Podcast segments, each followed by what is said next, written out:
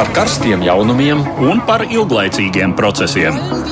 Par idejām, par cilvēkiem, par naudu un par laiku. Par abām mūsu planētas puslodēm, un lietojot abas smadzeņu puslodes. Ēterā raidījums divas puslodes. Labdien! Studijā Mārija Ansona un Edvards Liniņš skan raidījums divas puslodes. Ir pagājis gads, kopš Grieķijas un tolaik Maķedonijas republikas valdības vienojās par šīs Balkānu valsts nosaukuma maiņu, nu jau pusgadu tā oficiāli saucas Ziemeļmaķedonija. Strīds par nosaukumu pastāvēja kopš 1991. gada, un tas neļāva tagadējai Ziemeļmaķedonijai tuvināties Eiropas Savienībai un NATO. Ziemeļmaķedonija būs mūsu šodienas valsts profila temats. Grieķijā notikušas ārkārtas parlamenta vēlēšanas, un tā jau ir tikusi pie jaunas valdības. Kā prognozēts, Aleksa Cipra partijas ir izcieta zaudējumu, un tagad pie Grieķijas valdības stūris ir centriski labējā partija jaunā demokrātija ar Kirjāku Micotaki priekšgalā. Kas sagaida Grieķiju pēc vēlēšanām, arī par to runāsim šīs dienas raidījumā un Ukraina dzīvo parlamenta vēlēšanu gaidās. Tās būs ārkārtas vēlēšanas, kas jārīko pēc tam, kad prezidents Volodimirs Zelenskis īsi pēc stāšanās amatā atlaida Ukrainas augstāko rādu. Tikmēr Zelenskis uz miera sarunām Minskā aicinājis Krievijas prezidentu Vladimiru Puķinu, gaidot arī rietumu līderu klātbūtni šais sarunās. Ukraina būs mūsu raidījuma trešais temats.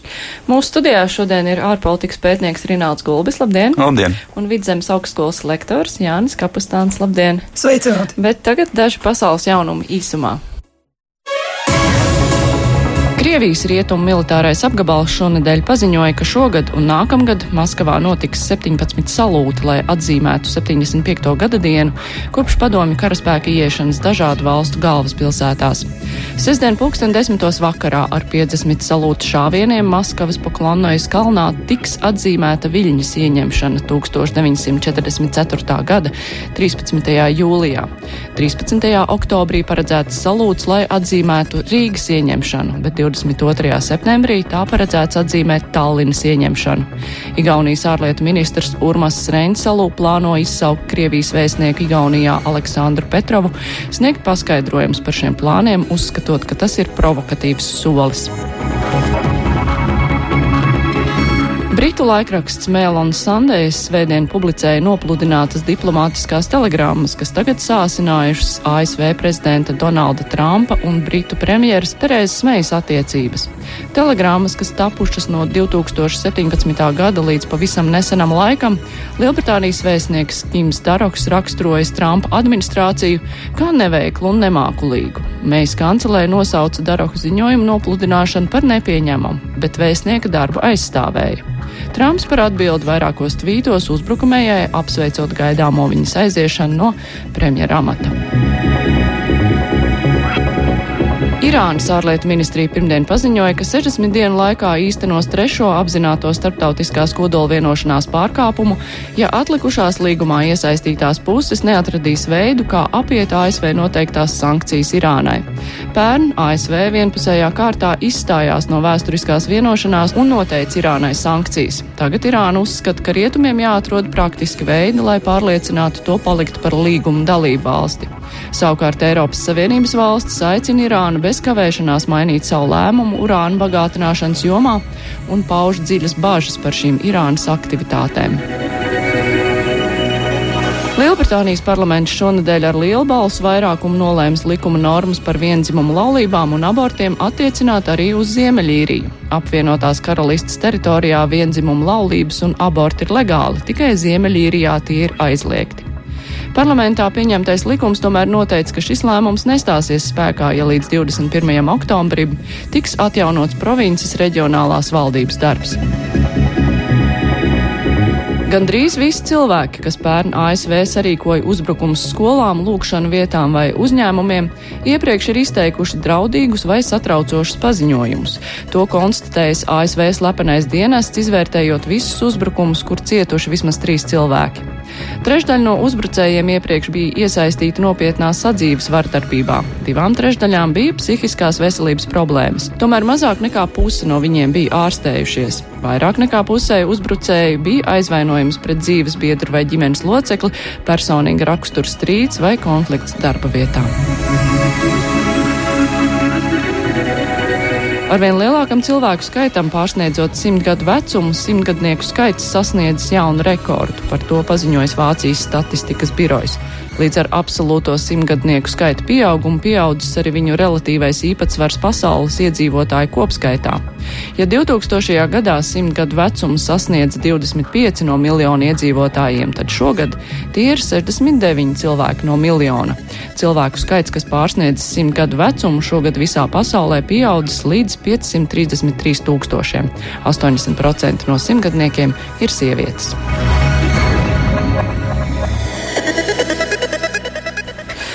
Bet tagad turpinām ar sākumā pieteiktajiem tematiem, tātad Ziemeļmaķedonija.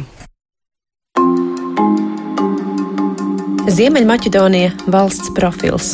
Šodienas Ziemeļmaķedonijas republika pirmo reizi kā suverēns starptautisko tiesību subjekts radās pēc neatkarības referenduma 1991. gada 8. septembrī, tādējādi atdaloties no brūkošās Dienvidslāvijas federācijas.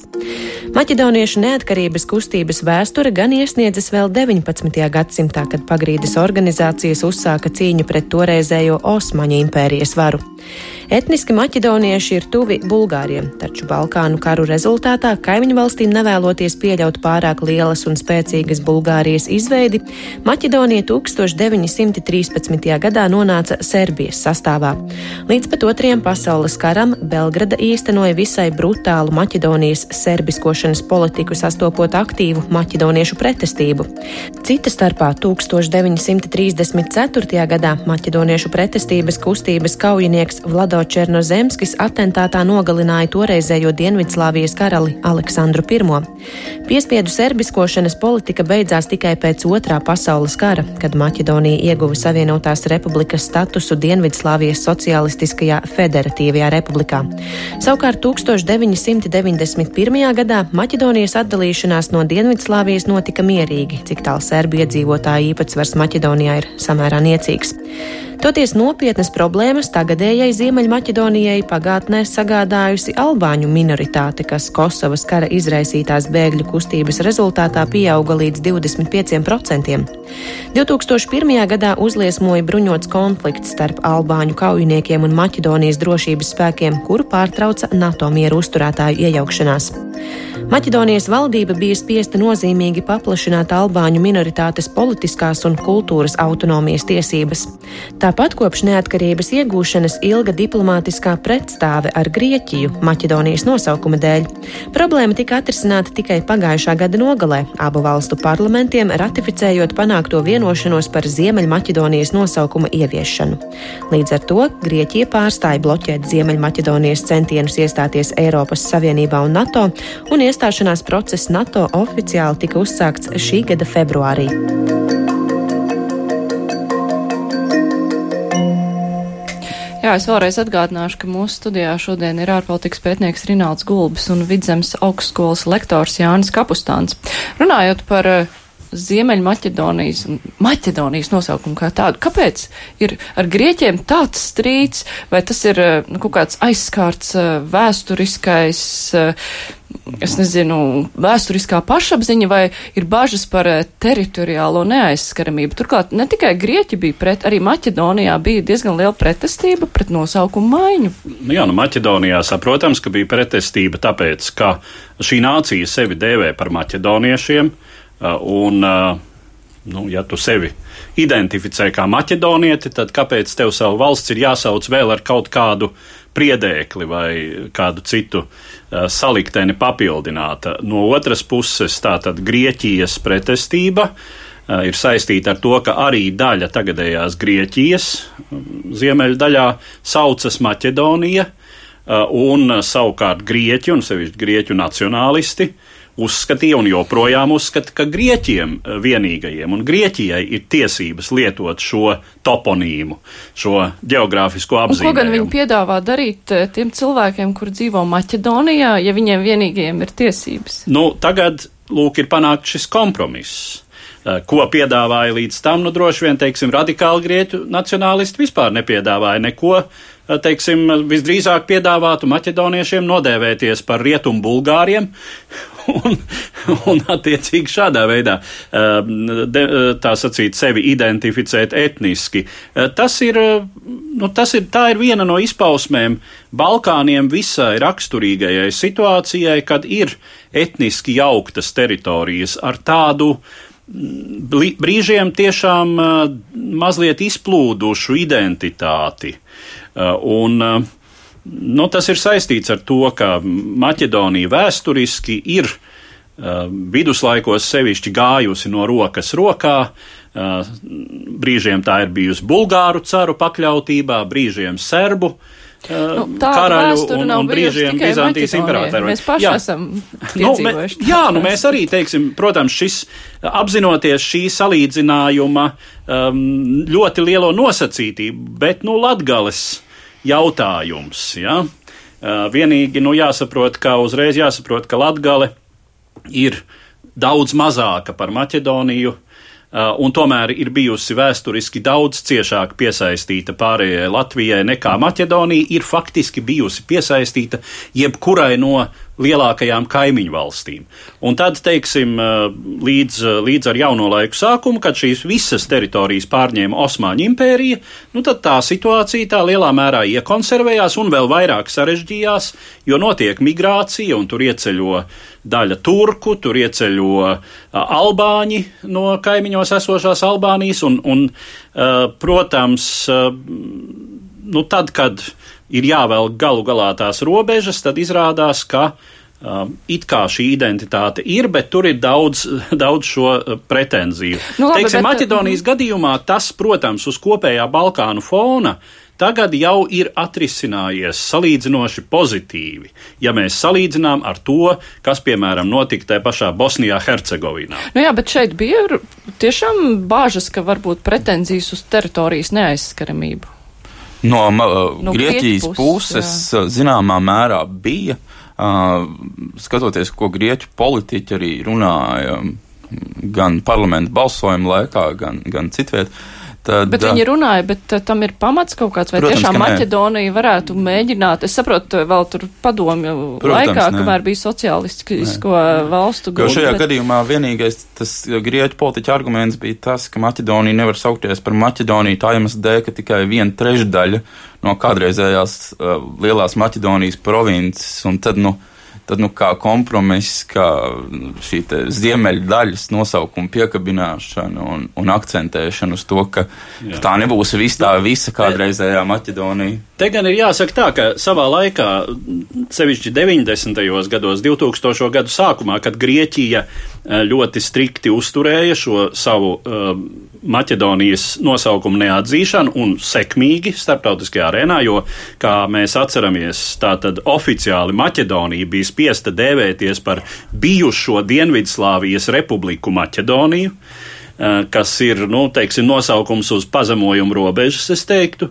Eh, tad eh, eh, šajā laikā Maķedonijas valdošie spēki un sevišķi nu, pie varas esošā um, Nacionālo partiju koalīcija uzsāka tā saukto anti tīkošanas politiku, kad Maķedonijas lielāko pilsētu laukumos tiešām tika uzcelti pieminekļi Maķedonijas Filipam un Maķedonijas Aleksandram, antīkās Maķedonijas valdniekiem, kuri, protams, bija Eh, nu, teiksim, helēņu pasaules eh, pārstāvji, grieķu eh, valodā runājoši valdnieki toreiz. Nu jā, grieķis tas varētu aizskart. Bet, nu labi, runājot tomēr par, par šī nosaukuma maiņas ietekmu uz Maķedonijas, Ziemeļmaķedonijas ceļu uz Eiropas Savienību un NATO.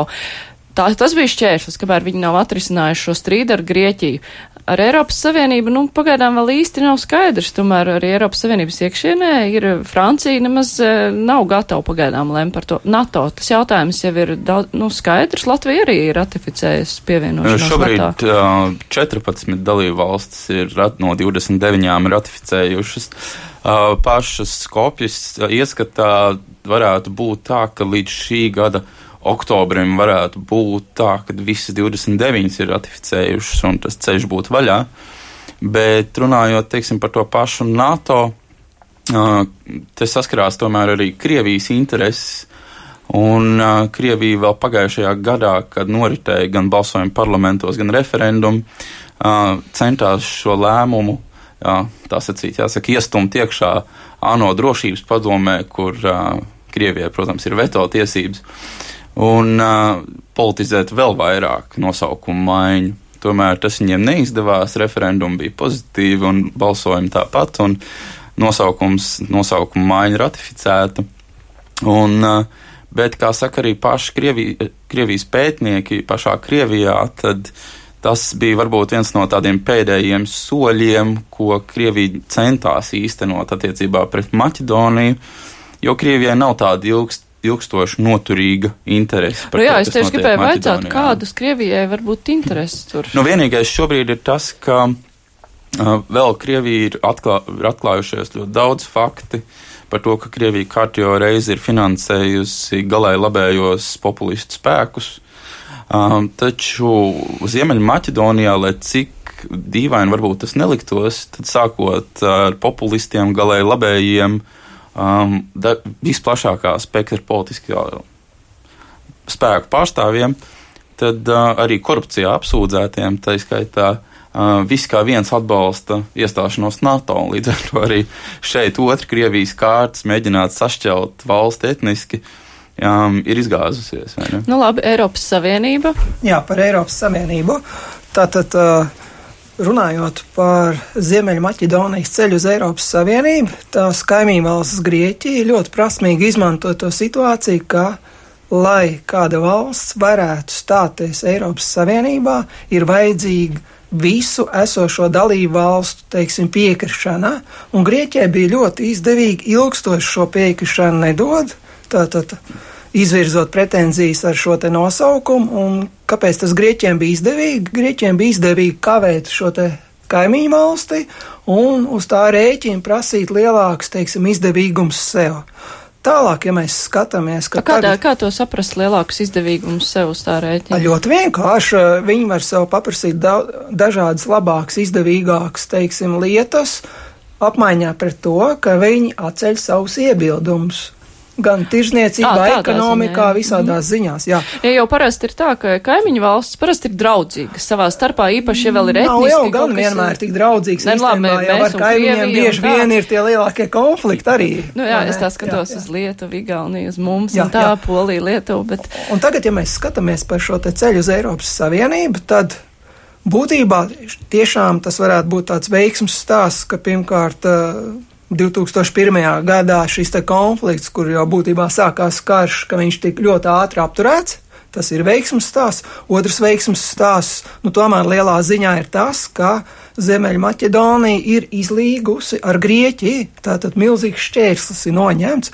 Un šo progresu ir pamanījusi Eiropas komisija, tātad ierēģi, kas vērtē bez politiskās pārliecības, bet kā eksperti, un viņi ir pateikuši par Ziemeļu Maķedoniju un arī kaimiņu valstu Albāniju, ka tiešām ir labs progress, un tagad ir laiks arī uzsākt iestāšanās sarunās. Pagaidām Ziemeļu Maķedonija ir tikai kandidāta valsts. Un tālāk mēs nonākam jau pie politiskā atbalsta, un ar politisko atbalstu, protams, ir Eiropas Savienībā grūtāk. Tiešām ir trīs valstis - Austrija, Francija, Nīderlande, kuras oficiāli saka, ka viņas ir piesardzīgas, ja viņām ir bažas, bet būtībā viņas pašlaik ir pret, viņas tā kā kavē.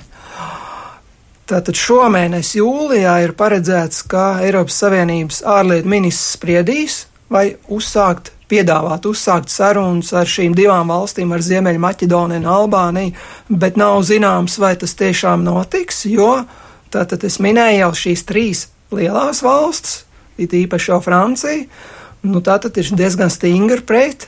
Nu jā, bet vēl ir jautājums, labi, šis strīds ar Grieķiju, tas ir atrisināts, bet te jau tika pieminēta korupcija, kas ir problēma, ekonomiskās problēmas, be, bezdarbs tur ir 20%, pēc, eh, es lasīju ziņās, jā, šādas datus. Tur Citās ir valstīs jau pat ir lielāks. Nu, Grieķijā arī tajā skaitā, bet, eh, nu, ir lielas ekonomiskās problēmas, vai no šiem apstākļiem Eiropas Savienība vadās, pieņemot lēmumu, kas viņus vairāk interesē? Eiropas Savienība noteikti vadās, bet šeit ir arī daži faktori par labu Ziemeļu Maķedonijai. Viņi skatās, Eiropas Savienība skatās uz Balkānu reģionu kopumā, un reģions no 90. gadu sākuma ir bijis pārņemts ar konfliktiem, milzīgi nestabilitāti stabilitāti un, būsim godīgi, arī ar plašu migrāciju. Mēs šodien vairāk runājam par migrāciju no Ziemeļāfrikas, bet bija arī migrācija no pašām Balkānu valstīm. Un tā, tā, tādā ziņā Eiropas Savienības intereses ir reģionu stabilizēt, lai te būtu miera osta, lai nebūtu konflikti, un Eiropas Savienībai tas būtu izdevīgi tādā ziņā, ka nebūtu šī migrācija no pašām Balkānu valstīm, un, protams, lai šīs Balkānu valstis atkal pašas aptur migrāciju no Ziemeļāfrikas. Nu, tad kurš svaru kaus būs smagāks? Jā, nu, te droši vien būs jautājums, cik uh, ietekmīga un uzklausāma būs Maķedonijas potenciālo, teiksim, advokātu balss Eiropas Savienībā. Nu, droši vien, kā pirmām kārtām ir runa par Bulgāriju, kas balstoties šais vēsturiskajās etniskajās saitēs varētu kļūt par Maķedonijas uzņemšanas galveno um, veicinātāju un atbalstītāju, un starp citu arī Grieķiju, jo um, Grieķijai, protams, um, Maķedonijas klātbūtne Eiropas Savienībā varētu nest zināmas ekonomikas labumus. Nu, ir, uh, poten, tas ir potenciāls tirgus, noiet tirgus uh, tieši Grieķijas ražojumiem, kas nav tie dārgākie, uh, un uh, potenciāli investīciju zona Tas viss, un sevišķi šobrīd runājot par mūsu nākamo tematu, par Grieķijas jauno politisko vadību, par, par tās kursu uz ekonomikas aktivizāciju, tad drīzāk kā arī Grieķijas nostāja Maķedonijas uzņemšanas jautājumā varētu būt diezgan pozitīva. Nu, tās ir tiešās kaimiņu valstis, tās ir valstis, kas robežojas ar Maķedoniju, nu, to vārds droši vien būs izšķirošs. Tā skepse, kas saistās ar Maķedoniju, es domāju, ka jā, jāpiekrīt Kapustāna kungam, ka runa ir par mm, potenciālo migrāciju no turienes, lai gan no Maķedonija, Ziemeļmaķedonija nav bijusi lielākais migrācijas avots. Kosova salīdzinoši ir eh, daudz lielāku migrācijas procentu devusi. Tāpēc, ka tie konflikti tika noslēpēti, tikko tur panastos karš, tā tur momentāli tūkstošiem bēgtu.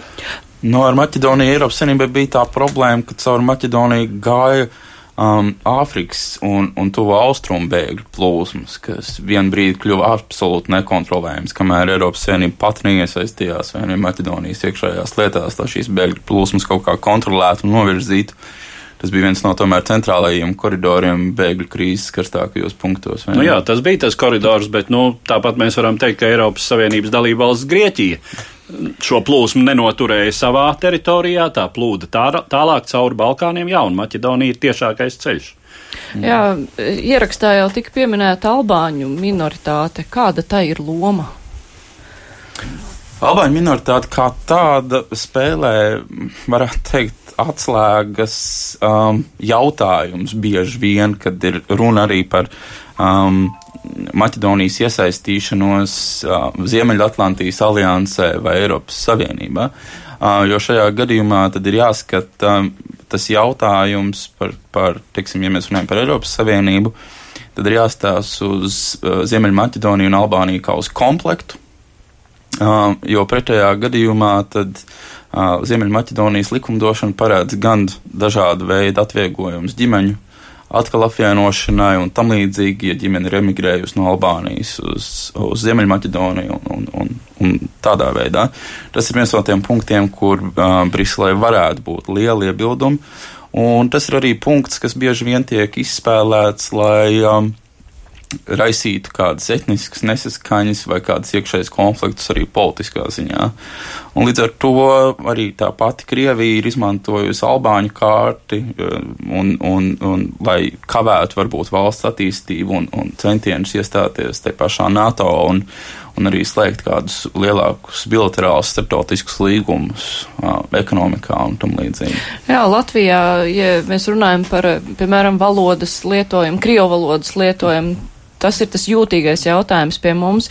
Kā tur ir ar, ar albāņu minoritātes prasībām par valodas un citām lietām? Vai tas arī tiek izmantots, lai, nezinu, radītu kaut kādas politiskās jukas, cik bieži tur kaut kas tāds notiek?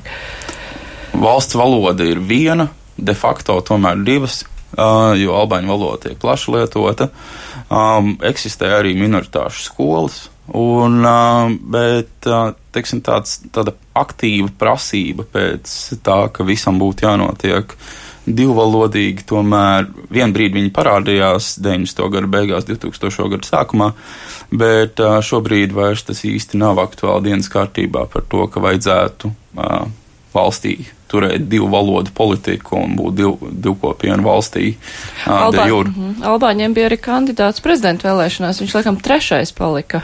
Jā, Albāņiem ir savas politiskās partijas, mm. un um, etniskais balsojums ir klātesošs, bet, nu jā, es piekrītu, ka runa ir par, tomēr par spriedzes mazināšanos un, un tādu sabiedrības integrāciju drīzāk nekā, nekā kādu sašķeltības saglabāšanos. Lai gan, protams, nu, tā ir visa šī situācija, kas ir vesels liels stāsts, kas ir albāņi un kā izpaužas albāņu valstiskuma tieksmes un, un, un kā tās ir pagātnē īstenojušās. Mums, mums šobrīd ir, var teikt, tā div, divi ar pus vai vai varbūt nu, tā tīri aritmētiski sakot, uh, divas pilnvērtīgas Albāņu valstis, cik tālu mums ir, uh, teiksim, uh, mm, mums ir Albānija, protams, kā Albāņu nācijas nacionālā valsts.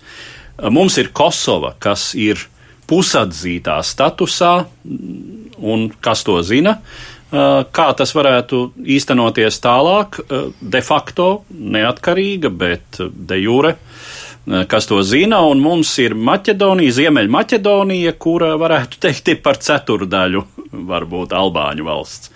Eh, un, eh, protams, visi šie jautājumi fonā visam tam vīd, kā tad tas varētu turpmāk risināties, un visdrīzāk, ka, protams, uzņemšana Eiropas Savienībā ar, ar attiecīgi robežu, robežu, faktisko robežu likvidāciju, Visdrīzāk tam varētu būt pozitīvs efekts.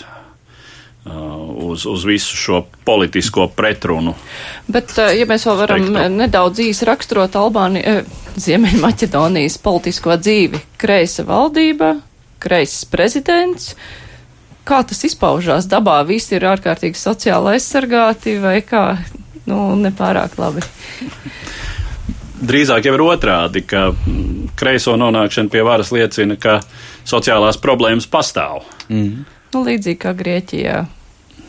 Jā, jo mēs šeit nevaram runāt arī teiksim, par kopš kreisie pie varas. Mēs nevaram arī runāt par radikālu nabadzības samazināšanos vai, vai ekonomikas tempu izaugsmu un tam līdzīgi. Kas ir jāatcerās, protams, Maķedonija ir viena no tām nelaimīgajām valstīm, kurai nav pieeja pie ūdens kas ir iekšzemes valsts un kas arī līdz apgrūtina zināmā mērā ekonomikas attīstību. Jo ir jāslēdz visi šie divpusējie līgumi par dažādiem transporta koridoriem un tam līdzīgi, kas sadārzina, protams, importu, eksporta plūsmas.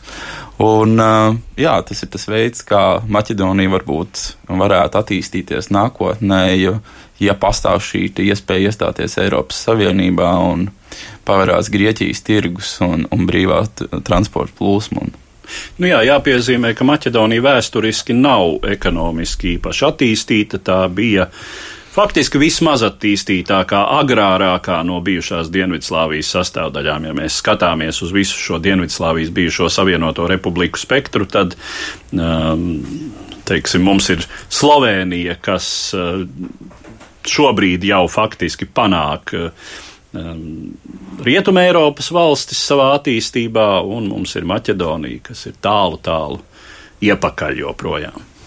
Bet toties Ziemeļmaķedonijas vīriešu basketbola izlase spēja aizlikt kāju Latvijas izlasē. Jā. Nu, es domāju, mēs viņus par to neienīdīsim. un Tādēļ ne, nebloķēsim viņu. Tā doma bija, ka lūk, viņiem ir arī panākumi. Jā. Protams, protams. Un šo to no Maķedonijas produktiem var nopirkt arī, arī Latvijā. Es pirms kāda laika pirku Maķedonijas plūmes. Nu, ka nevar laika varēs vēl vairāk, kad iestāsies Eiropas Savienībā. Bet nu labi, mums laiks stāties uz Grieķiju. Grieķijas vēlēšanu rezultāti.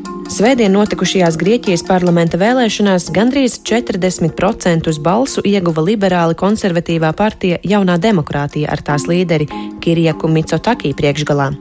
Tas, saskaņā ar Grieķijas vēlēšanu sistēmu, nodrošināja šim spēkam 158 no 300 parlamenta deputātu vietām, ļaujot izveidot vienpartijas vairākuma valdību. Galvenais jaunās demokrātijas konkurents un līdz šim valdošā partija Sirīza ieguvusi 86 vietas. Vēl parlamentā iekļuvusi arī centriski kreisā kustība pārmaiņām, izteikti labējā partija Grieķijas risinājums, kreisā Eiropas realistiskās nepakļaušanās fronte un Grieķijas kompartija.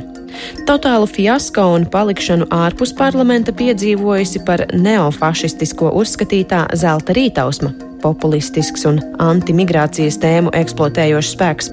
Starp 8. jūlijā apstiprinātā Mitsotaka kabineta ministriem un ministru vietniekiem ir nevien jaunās demokrātijas biedri, bet arī vairāki neatkarīgie locekļi, tehnokrāti un pat kādreizējie sociālistu politiķi. Ar sevišķām cerībām uz šo valdību raugās biznesa aprindas, cerot uz ekonomisko izaugsmi veicinošām reformām un konstruktīvāku dialogu ar Eiropas Savienības institūcijām. Tomēr arī Mitsotaka valdībai joprojām nāksies manevrēt starp taupības politikas prasībām no Eiropas institūciju puses un sabiedrības gaidām pēc sociālās situācijas uzlabojumiem.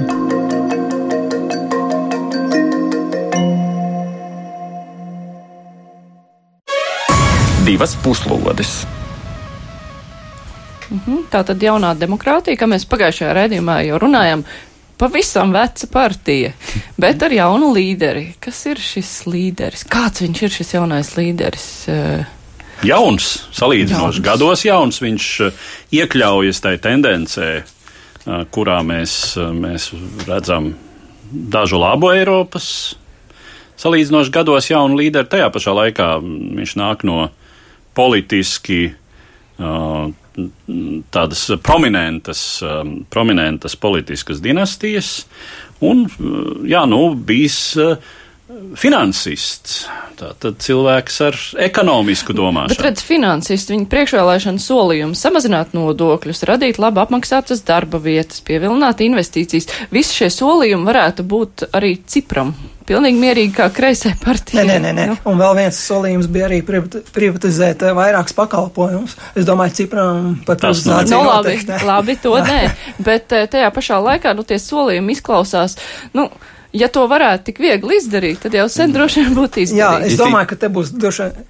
Es ātri, jā. Tad, tad es domāju, ka šeit tiešām būs tās uh, lielākās grūtības, un kas ir tagad, kad ir beigusies šī aizņēmuma, Eiropas Savienības aizņēmuma, jeb aizdevuma programma, Un tagad grieķiem it kā pavērās brīvas rokas, un, protams, ir tas grieķu pašlapnums, ka tagad uh, mēs dzīvosim, kā mēs gribam dzīvot, bet iespējams, ka tik viegli nebūs, un tātad šeit būs šī lielā dilemma turpināt tādu kā taupības politiku, vai, teiksim, tagad vairāk atkal veltīt naudu sociālajiem pabalstiem, un sociālajiem pabalstiem pirms krīzes tur grieķi bija ļoti slaveni.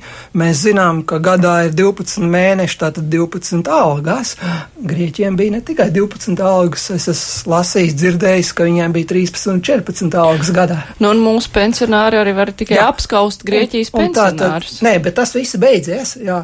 Un, protams, ka šeit būs tā lielā dilēma to kuģi, kas ar smagām, smagām grūtībām ir izvests cauri šiem gadiem, nu, tātad vismaz desmit gadi briesmīgām grūtībām, nu, tagad mēģināt stabili virzīt uz priekšu, vai atkal pakļaut riskam, ka diezgan ātri jau atkal var nogremdēt, vai ne?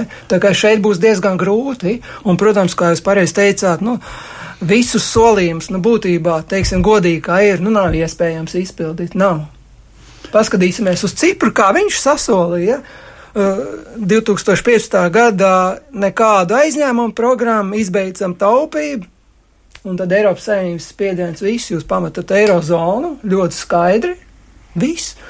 Viņš atteicās no visiem saviem solījumiem un pieņēma prasības. Nu jā, bet es domāju, ka Mitsotakis ir mācījies no Cipra kļūdām. Viņš nesola nereālas lietas, tie solījumi ir krietni piesardzīgāki un krietni realistiskāki, es teiktu, un tādu Nu, protams, solīt ekonomikas attīstību, tas ir risks pats par sevi, jo viss, kas var uh, gadīties, var būt kaut kas neaprēķināts, lai gan tas vispārējais nu, priekšstata rāmis tomēr ir tāds, ka valdība, kura ir tendēta uz struktūrālajām reformām, mums arī ļoti mīļš vārds, uh, valdība, kura ir tendēta tomēr uz uh, taupības politiku, vairāk vai mazāk, nu, vai vismaz tādu Mm, vai vismaz nesola nekādas, nekādus straujus sociālos labumus, tā gūst atbalstu faktiski nu, ne tikai no finansiāli konservatīvām, tradicionāli finansiāli konservatīvajām Eiropas Savienības struktūrām, bet arī no potenciāliem investoriem. Tad, kad valdība deklarē šādu politiku, tad uh, tas drīzāk piesaista investorus. Lai gan nu, grūtības, protams, netuvu vēl nav aiz muguras, un faktiski viena liela problēma, kas Latvijā, kur par laimi mēs Latvijā īsti neesam piedzīvojuši, bet ko piedzīvo viss vidusjūras reģions, ne tikai Grieķija, tā, tas ir tas grandiozais jaunatnes bezdarbs. Ka, teiksim, Viņiem sapņos nerādās tas, kas ir šeit, ka drīzāk varbūt mēs runājam par to, ka mums pirms pensijas vecuma strādājošie ir salīdzinošai ziņā neaizsargāti. Tad tur jaunam cilvēkam pat ar ļoti labu izglītību iesisties darba tirgū, mm, un tas ir, tā ir Grieķija, tā ir Itālija, tā ir arī Spānija Spānija. un Portugāla, un pat zināmā mērā Francija Tā ir milzīga problēma. Bet par investīcijām runājot, investoriem parasti kas ir vajadzīgs? Viņiem ir vajadzīga stabilitāte kaut kāda un prognozējumība, vai tas ir tas, ko sola jaunais premjeras? Um, atsevišķi vācu laikraksti viņu nosauc par grieķu Makronu. Um, bet, ja Makrons nāca ar jaunu politisko spēku, tad šajā gadījumā politiskais spēks ir vecs. Bet, um, vai būs lielāka prognozējumība? Varbūt, jo šajā gadījumā tomēr uh, jaunā demokrātija pieder Eiropas Tautas partijas grupai, kas principā jau sola, ka liek paģērēt to, ka, ka tas varētu būt kaut kas stabilāks, prognozējamāks, um, saprotamāks. Jo Sirīza tomēr bija ar visiem šiem skaļajiem saukļiem, un, un tad tur vēl fonā uh, kaut kur vidēja, uh, galēji labējie spēki, kas, kas arī tur pa, ik pa brīdim parādījās uz politiskās skatuves, kas tagad izskatās, ir sakauti. Um, galēji labējie ir nostumti pilnībā nost kaut kur no šajās vēlēšanās, un par viņiem nobalsojušo skaits ir gaužām mazs. Um, kas, protams, um, liek kopumā raudzīties uz tādu Grieķijas uh, pragmatismu uh, tādu jauno vilni un, un, uh, un to, ka Grieķijā lietas tīri politiskā ziņā varētu kļūt nobriedušākas. Protams, jautājums ir par to telpu, kurā jaunais premjeras varēs uh, brīvi kustēties, uh, jo šo telpu jau tomēr gan uh, Starptautiskais valūtas fonds, gan visa trojka kopumā jau saglabā tādu gaužām šauru ekonomikā. Nevar notikt lielas un radikālas reformas nesaskaņojot tās ar starptautiskiem aizdevējiem, kuriem joprojām būs uzraudzības programma Grieķijai. Šeit var būt, protams, jautājums par to, cik ilgi un kāda varētu būt šo, šīs uzraudzības programmas iespējamo noteikumu maiņa. Es varbūt vēl gribētu teikt, ka jaunajai valdībai par labu nāk arī tas, ka valdībā ir iekļauti ne tikai jaunās demokrātijas partijas biedri, bet arī tehnokrāti un pat bijušie sociālisti politiķi. Tā kā premjeras ir veidojis valdību uz tādas diezgan gan lielas bāzes, gan arī tiešām zinošs cilvēks iesaistījis. Un kas savukārt atkal ir liels mīnus Grieķijai, tiešām jau minētais jauniešu bezdarbs un kā tad Grieķi reaģējuši arī no Grieķijas notiek emigrācija, īpaši jaunu izglītot cilvēku brauc projām. Viņiem vairāk interesē Vācija. Viņi uzskata, ka tieši Vācijā varētu dabūt labu apmaksātu darbu. Un, jā, un šis jauniešu bezdarbs ir ne tikai Grieķijai raksturīgs, bet tiešām arī Spānija, Portugāla, bet īpaši Spānijā ir bijis ļoti, Itālijā, jā, tiešām visam reģionam tieši jauniešiem trūks bezdarba. Man liekas, mums ir ļoti pretēja situācija Latvijā, ka, nu, lai nu ko, bet jaunieši laikam galīgi nevarētu žēloties. Bet šeit mēs tiešām Jā. arī varam runāt par tādu lietu kā struktūrālu bezdarbu kas ir, ir Grieķijas, Itālijas, mazāk Spānijas, Portugāles uh, gadiem ilgi piekopta politika, um, kas, kas, piemēram, absolūti nav raksturīga, piemēram, Vācijai vai Beļģijai vai Nīderlandai, kur tomēr valsts kaut kādā veidā regulē augstākās izglītības tirgu. Šajā gadījumā jaunieši ir izvēlējušies profesijas, kas nav pieprasītas vairs, kas ir mākslu profesijas bieži vien, un uh, viņi līdz ar to arvien grūtāk uh, iekļaujas darba tirgū. Nu, kaut kur dzirdēta situācija Latvijā arī runāja par struktūrālo bezdarbu gadiem ilgi. Jā, bet Latvijā, kā jau minēju, tas absolūti neatiecas uz jauniem cilvēkiem. Jā. Mm. Bet mums klausītājs raksta, Grieķi lieliski prot vazāt visus aiz deguna jau gadu tūkstošiem, un tā tas notiek arī pašlaik. Vai, nu, Grieķi droši vien nav vienīgā tauta, par kuru saka, ka tā gadu tūkstošiem kādu vazājas degunu, nu, labi, tie, protams, nav nopietni izteikumi. Nē, nu savas mentālās īpatnības ir, bet tās, tās ir drīzāk, jāsaka, ne, ne nacionālas, bet reģionālas. Es tomēr gribētu atgādināt, ka Grieķija iestājās Eirozonā uzrādot viltotus datus, un man nav izskaidrojumi, kā viņiem izdevās apmānīt Eiropas Savienības statistikas iestādes, bet fakts ir tāds, ka pēc tam jau atklājās, ka īstenībā Grieķijas fiskālie dati neatbild iestāšanai Eirozonā, bet viņiem kaut kā izdevās to redzēt. Nu, kura partija tad bija pie varas? oh, jā, nu, kā tik ne tāpat. ne? jā, jā, bet, bet tas vēl bija laikos tomēr, kad um, nebija novienādot šī te fiskālās telpas un ārējā parāda aprēķināšanas modeļi. Nu jā, bet kopumā Eiropas Savienība tagad var atvieglot, uzalpot par to, kā, kāda partija ir, kāda cilvēka tagad ir. Es domāju, ka pašlaik noteikti var uzalpot, un tiešām Eiropas Savienībā ļoti pozitīvi jau arī, nu jau aizējošais komisijas prezidents Junkers ir pozitīvi izteicies par jauno valdību, tā ka jā. Un vēl par Grieķiju ātri pasakot, ka kas viņiem ir plusi, ka viņiem ir tiešām šis te turisms salas, kur ekonomiskā situācija visos laikos tomēr ir bijusi labāka nekā uz sauszemes, un tās vēsturiskās vērtības, kuras arī turistiem parādīja.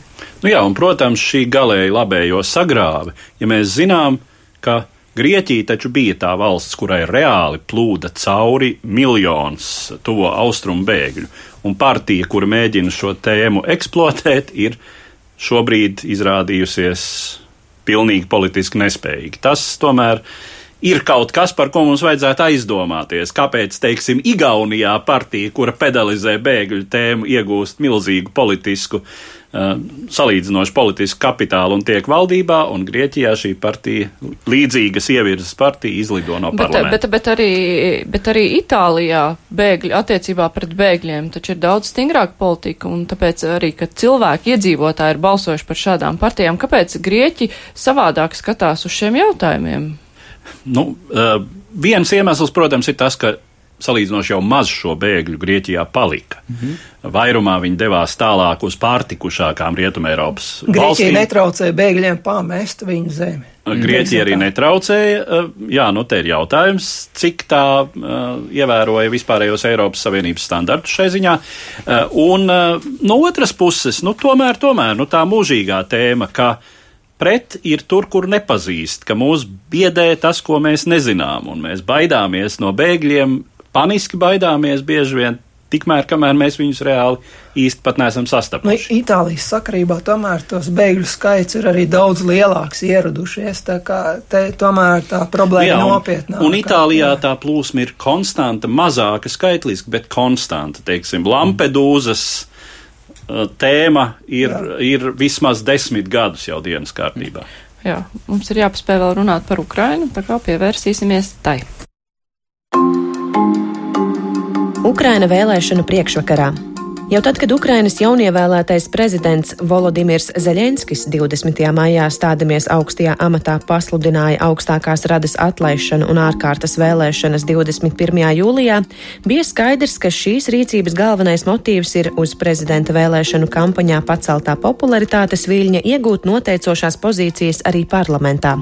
Pagaidām šis plāns šķiet sekmīgi īstenojamies, un Zeļenska vadītā partija Tautas kalps reitingos ir pārliecinoši līderi vairāk nekā divkārt apsteidzot tuvākos konkurentus. Pēc jaunākajiem aptauju datiem spriežot, 5% barjeru iekļūšanai augstākajā radā varētu pārvarēt vēl trīs vai četri politiskie spēki. Starp tiem ir reitingu rādītāju secībā nepārprotami prokremliskā partija, opozīcijas platforma par dzīvi, bijušā prezidenta Petro Porošenko partija, Eiropas solidaritāte un kādreizējās premjerministres Jūlijas Timošenko vadītā partija Tēvzeme.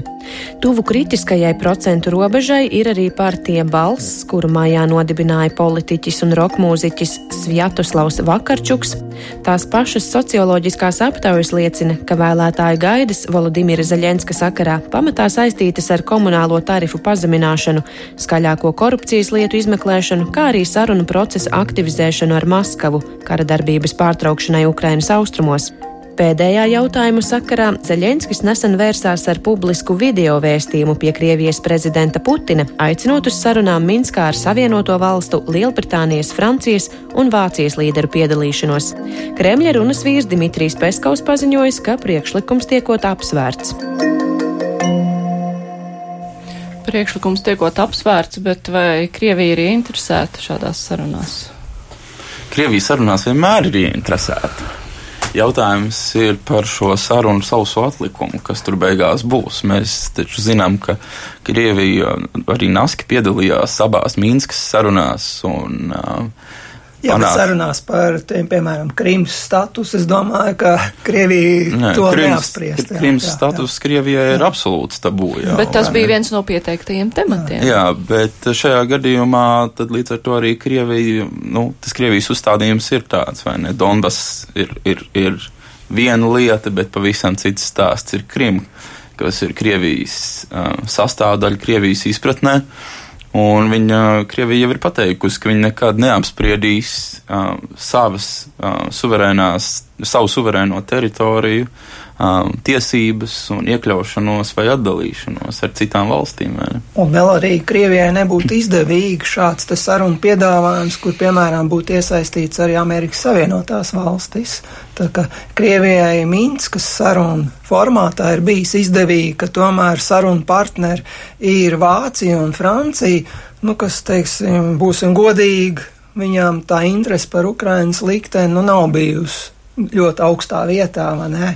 Nu, Kamēr amerikāņi iesaist, tomēr ir daudz spēcīgāk atbalsts Ukrainai. Nu, teiksim tā, nu, Vācija, protams, ir ieinteresēta Ukrainas liktenī. Uh, Vācija vispār ir, uh, teiksim, no salīdzinoši katrā ziņā ar Franciju un arī Lielbritāniju no mm, Eiropas lielajām valstīm. uh, Austrum Eiropas procesos salīdzinoši ieinteresētāka. Vācijai ir tradicionāli pēdējās desmit gadus ciešas saiknes ar Poliju, kas, kas ir vēl aktīvāka šais procesos.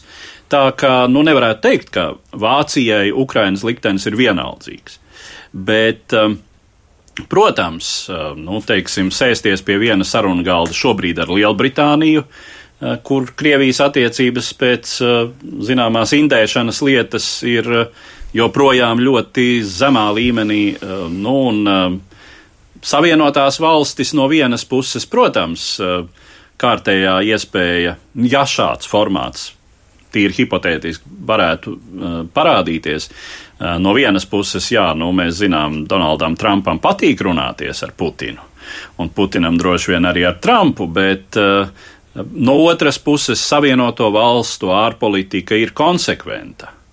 Un uh, Krīmas jautājums neizbēgami šādās sarunās uh, Putinam tiktu atgādināts, vai katrā ziņā tas tiktu nu jā, deklarēts vēlreiz, ka starptautiski Krīma ir un paliek Ukrainas teritorijas daļa. Bet uh, šis te interesantais formāts, kā viņš aicina uz sarunām, YouTube savā Nu, blogā. Nu, respektīvi forma. Nu, forma, forma, nu, jā, jā. Vai, vai mēdīja formāts. Mēdīja formāts, jā, bet uh, nu, tas ir YouTube, uh, bet atbildi dabūja, kas ir interesantākais, lai gan tas nav oficiāls paziņojums. Bet, nu labi, uh, nu, līdz vēlēšanām skaidrs, ka nekādas sarunas neviens ne, ne, nenoorganizēs, bet šis paziņojums ir saistīts ar, uh, nu, savu punktu krāšanu uz vēlēšanām.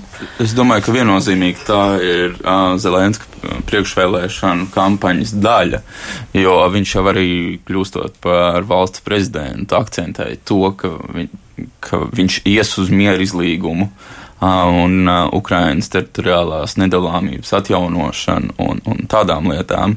Un šis tad ir viens no viņa šiem solījumiem, ko viņš ir devis, un tagad nu, viņš saprot, ka priekšvēlēšana procesā jautājums dienas gaismā varētu parādīties, ko tad viņš ir darījis. Nu, tad, lūk, vismaz ir YouTube ieraksts adresēts Vladimiram Vladimirovičam un, un citiem, kas liecina par to, ka, ka prezidents kaut ko dara, lai šo lietu risinātu. Tās ir uh, pastāvīgi faktiski Zelenskim opozicionāro spēku un pirmām kārtām, protams, bijušā prezidenta Porošenko un viņa pārstāvētās partijas uzturētas bažas par uh, prezidenta Zelenska gatavību joprojām aizstāvēt Ukrainas intereses, jo te nu katrs uh, motīvs tiek traktēts kā iespējamas piekāpības un Ukrainas interešu nodošanas signāls. Nu, piemēram, tas, ka Zelenskis ir atteicies sarīkot nu, vai atsacījies no svētku parādes,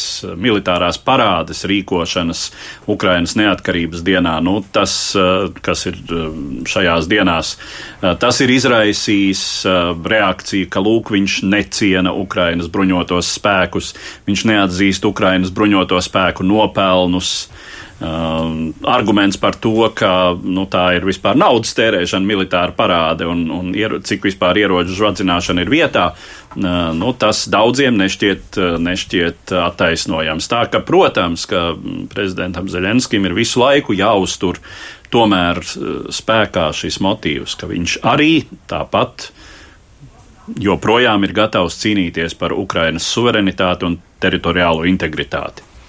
Man gan vairāk uh, liek do, be, nebeidz beigties domas par to, uh, ka diez vai tomēr viņš dabūs absolūtu vairākumu augstākajā radā, un līdz ar to vajadzēs vi, vismaz vienu politisko spēku no šī spektra, ko mēs arī dzirdējām pieteikumā par to, kas tad varētu iekļūt augstākajā radā. Un zinot šīs attiecības ar, ar visām pārējām, pārējiem politiskajiem līderiem, tad šobrīd patiesībā uh, Laikam izskatās, ka tomēr tēvzem, jeb Šubatkivšķina ar, ar Juliju Timošenko varētu būt tas visticamāk, spēks. Visticamāk, jā. Jā, un katrā ziņā vēlēšanas Ukrainā, tad, kad tās būs jau notikušas, arī būs viens no turpmākajiem mūsu raidījuma tematiem. Šīs dienas raidījums ar to arī izskan. Man ir jāsaka paldies. Mūsu studijā šodien bija ārpolitikas pētnieks Rinalds Gulbis, Vidzemes augstskolas lektors Jānis Kapustāns, arī Edvards Liniņš un es Māra Jansona.